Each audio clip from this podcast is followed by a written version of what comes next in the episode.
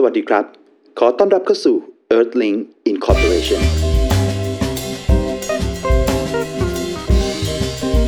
Welcome to the Earthlink Incorporation สวัสดีครับ ขอต้อนรับเข้าสู่รายการ Earthlink Cast รายการของเราเป็นรายการที่สร้างขึ้นมาเพื่อผู้ชมผู้ฟังที่ชื่นชอบการสร้าง ไม่ว่าจะเป็นเรื่องของบ้าน ห้องหอ มหรสพ โรงละคร ตลอดไปจนถึงสิ่งก่อสร้างทางดิจิทัล ทุกวันอังคารแบบนี้ครับ ผมโอ๊กสกันรนชาวรัตผู้ดำเนินรายการ มีความยินดีที่จะพาทุกท่าน ให้ได้พากันไปส่องสำรวจ ไขข้อข้องความคิดสะกิดต่อมความสงสัย เพื่อที่ในตอนท้าย เราจะได้เข้าใจในสิ่งต่างๆ ไปพร้อมๆกัน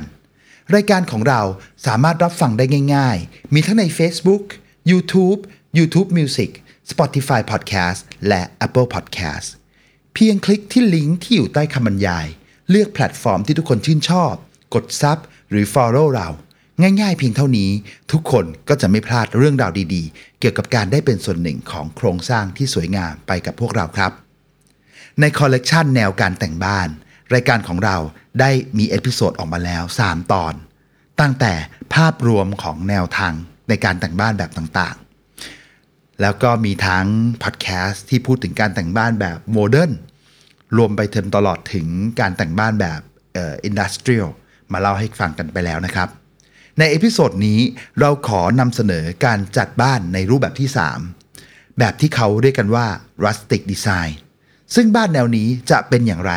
Earthlink Cast วันนี้ขอนำเสนอตอน rustic home design บ้านง่ายๆ สไตล์ชนบท ขอเล่าให้ฟังอย่างนี้ครับ ในโลกของการออกแบบตกแต่งภายใน การแต่งบ้านสไตล์ชนบท ถือเป็นเครื่องพิสูจน์เสน่ห์ที่อยู่เหนือการเวลา เป็นความเรียบง่าย สะท้อนความเป็นเนื้อแท้ และเป็นการเชื่อมโยงกับโลกธรรมชาติ พูดง่ายๆก็คือถ้าใครเป็นสาย natural สายธรรมชาติเนี่ย rustic design เนี่ยเป็นอะไรที่น่าสนใจมากๆเลยนะครับ โดยรากฐานที่ได้มาจากการตามหาเสน่ห์ของชนบท และงานฝีมือที่ทรงคุณค่า สไตล์การออกแบบนี้ เปลี่ยนพื้นที่อยู่อาศัยให้กลายเป็นท้องทุ่งแห่งความอบอุ่น และมีเสน่ห์อยู่เหนือการเวลา หัวใจของการตกแต่งบ้านแบบรัสติก หรือชนบทก็คือ การใช้วัสดุหลากหลายที่หาได้จากในธรรมชาติ การกระทำอย่างที่ได้กล่าวมาทำให้เกิดความรู้สึกถึงบรรยากาศที่เปิดกว้าง มีการรับส่งกันระหว่างสิ่งของภายในบ้าน และสิ่งของที่อยู่ภายนอกบ้าน จากความงามที่ได้จากความเป็นแก่นแท้ของธรรมชาติ อย่างการใช้คานไม้เปลือย ไปจนถึงความแข็งแกร่งที่ยั่งยืนของการใช้วัสดุอย่างเช่นหิน องค์ประกอบที่เชื่อมต่อกันกับสภาพแวดล้อมรอบตัวเหล่านี้ทำให้บ้านมีเขาเรียกว่าได้รับความรู้สึกเชื่อมต่อครับ แล้วก็อย่างรากลึกลงไปเป็นสิ่งเดียวกันกับผืนแผ่นดินที่อยู่อาศัย การตกแต่งด้วยเฟอร์นิเจอร์ และของตกแต่งที่ไม่เรียบเนียบหรูหรายังเพิ่มความสวยงามได้อย่างไม่น่าเชื่อด้วยนะครับ อืม มันคือความติดดินนะเนาะอีกทั้งยังเป็นการยกย่องความงามที่พบได้ในสิ่งที่เรียกว่า imperfection หรือความไม่สมบูรณ์ และการผ่านเปลี่ยนการเวลาที่ผ่านไป หรือว่าสิ่งที่มันเรียกว่าการผุกร่อนไปตามการเวลา โทนสีของการตกแต่งบ้านสไตล์นี้ จะเป็นการใช้โทนสีที่เเขาเรียกว่าสะท้อนเฉดสีของความเป็นชนบท ด้วยการใช้โทนสีแบบ earth tone เป็นจุดเด่น มีสีน้ำตาล โทนอุ่น สีเขียวที่ดูผ่อนคลาย สีของอิฐแดงที่ไม่ฉูดฉาด และสีเทาที่อ่อนโยน สีเหล่านี้ร่วมกันสร้างฉากหลังที่กลมกลืน เสริมสร้างความรู้สึกสงบ เงียบสงบภายในพื้นที่ที่ได้อยู่อาศัย สีเหล่านี้ไม่เพียงแต่กระตุ้นความรู้สึกของการได้ไปอยู่ในโลกแห่งธรรมชาติเท่านั้น แต่ยังทำตัวเป็นผืนผ้าใบ ในการรอรับองค์ประกอบสำคัญอื่น ๆ ที่จะตามมาให้ได้เปล่งประกายได้อีกด้วย การใช้สิ่งทอเข้ามาใช้เติมในบ้านสไตล์รัสติก เสริมอารมณ์สบายก็มีบทบาทสำคัญทำให้บรรยากาศแบบชนบทดูอ่อนโยนมากยิ่งขึ้นไปอีก การใช้ผ้าขนสัตว์ ผ้าลินิน ผ้าฝ้าย เหล่านี้ล้วนแล้วแต่มีผลต่อคุณสมบัติด้านการสัมผัส มอบความสบายขั้นสูงสุดนะครับ การเติมพื้นที่ด้วยรักหรืออพรมที่เป็นผืนผ้าคลุม หรือหมอนอิงที่มีลวดลาย ไม่ว่าจะเป็นลายไทย ลายสกอต ลายจีน ลายลูกไม้หรือลายอะไรก็แล้วแต่ เพิ่มความน่าสนใจทางสายตาได้เป็นอย่างมาก และยังเป็นการเพิ่มสัมผัสโดยรวม เชิญชวนให้ผู้อาศัย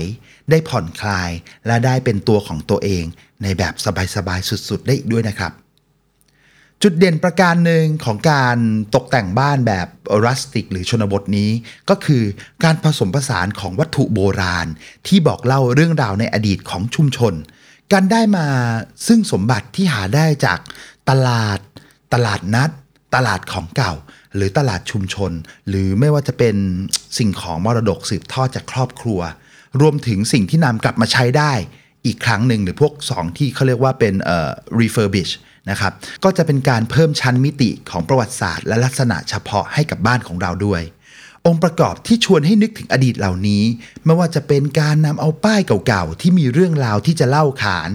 หรือโคมไฟที่ดูเหมือนจะผุกร่อน ที่ผ่านการใช้งานมาแล้วอย่างหลายปี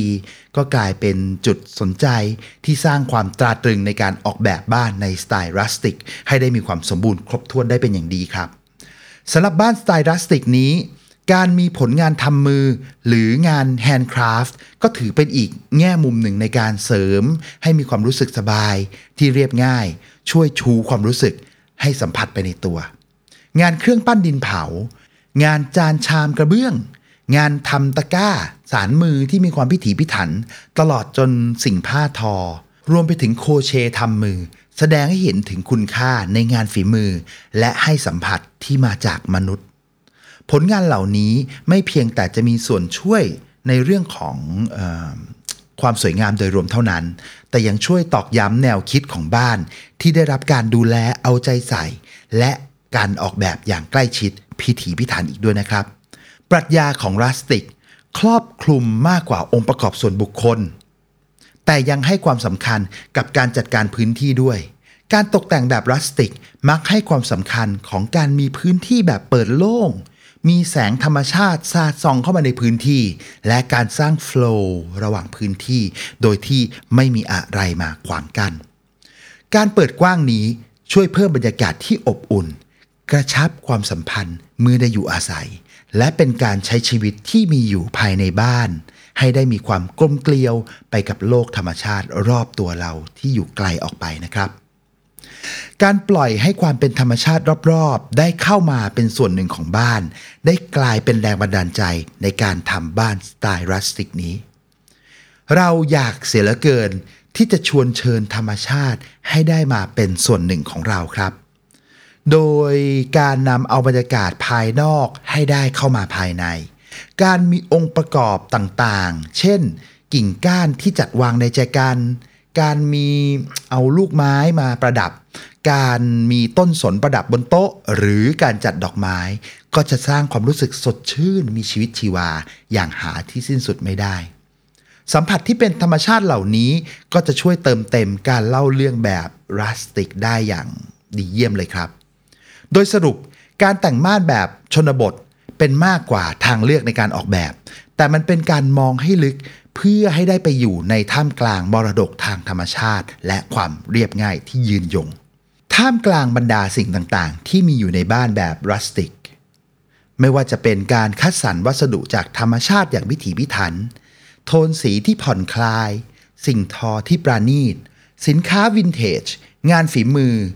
พื้นที่เปิดโล่ง และการตกแต่งที่ได้รับแรงบันดาลใจจากธรรมชาติ ทั้งหมดนี้ล้วนแล้วแต่เป็นสิ่งที่จะมาร่วมกัน สารต่อเรื่องราวที่ก้าวข้ามผ่านความวุ่นวาย การแข่งแย่งชิงดีกันทางโลก และยังเป็นการร่วมกันแท้ของเสน่ห์ที่อยู่เหนือการเวลาด้วย ในโลกที่มักเคลื่อนไปอย่างรวดเร็ว การตกแต่งบ้านให้เรียบง่าย มอบสถานที่ศักดิ์สิทธิ์ เป็นที่ตั้งตระงาน เชิญชวนให้ผู้อยู่อาศัยได้สัมผัสความอบอุ่น จากผืนแผ่นดินมาสู่ความงดงามในปัจจุบัน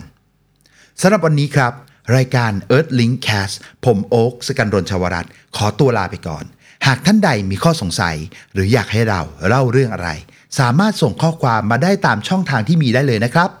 ก่อนจากกันฝากประชาสัมพันธ์ว่า เพราะทุกกำลังใจของท่าน คือพลังในการเคลื่อนไปของเรา ฝากกดไลค์กดแชร์ และกด subscribe และสำคัญที่สุดครับ ฝากบอกเล่าเรื่องราวต่อๆไปกับเพื่อนๆของทุกๆ คนด้วยนะครับ วันนี้ผมขอตัวลาทุกท่านไปก่อน แล้วพบกันใหม่ในสัปดาห์หน้าสำหรับวันนี้ สวัสดีครับ